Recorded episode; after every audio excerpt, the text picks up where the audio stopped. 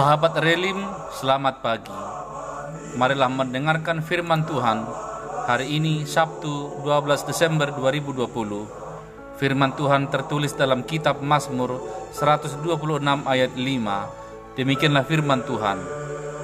Orang-orang yang menabur dengan mencucurkan air mata akan menuai dengan bersorak-sorai. Akan namariluilu lahu manabur marolopolop dosogut lahu manggotil. Demikian firman Tuhan. Saudara-saudari, tidak seperti di Indonesia, di daerah Timur Tengah, menabur benih adalah tahapan paling sulit dan melelahkan. Selain harus menyingkirkan batu-batu yang tajam, tanah yang akan ditabur pun penuh dengan duri yang harus disingkirkan. Kadangkala tangan dan kaki kita bisa terluka, bahkan sering harus mencucurkan darah dan air mata. Namun setelah melewati masa menabur yang sulit penuh perjuangan itu, tak disangka-sangka benih yang ditabur itu lambat laun tumbuh, berbuah dan memberi panen melimpah. Demikianlah kira-kira gambaran hidup umat Israel di pembuangan Babel.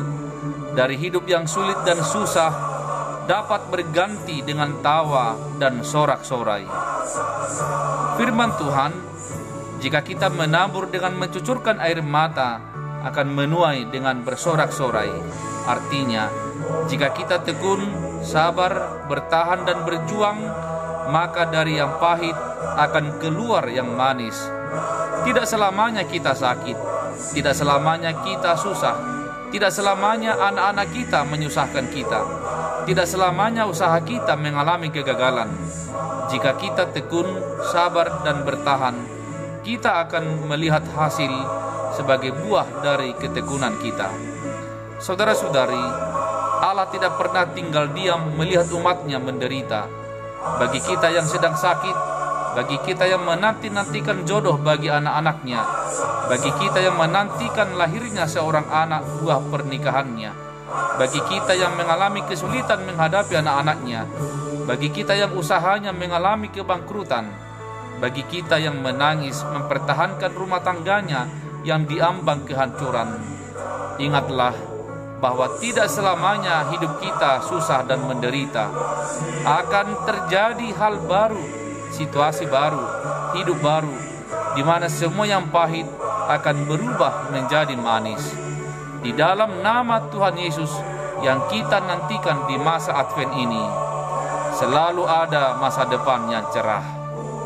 Dari yang pahit akan datang yang manis. Amin. Marilah berdoa. Ya Tuhan terima kasih firman-Mu membaharui semangat kami untuk terus bergembira karena masa depan kami ada di tangan Tuhan. Dari kesedihan dan kesusahan akan datang kegembiraan. Di dalam namamu Yesus Kristus, kami bersyukur dan bergembira. Amin. Selamat berakhir pekan. Tuhan Yesus memberkati kita. Shalom.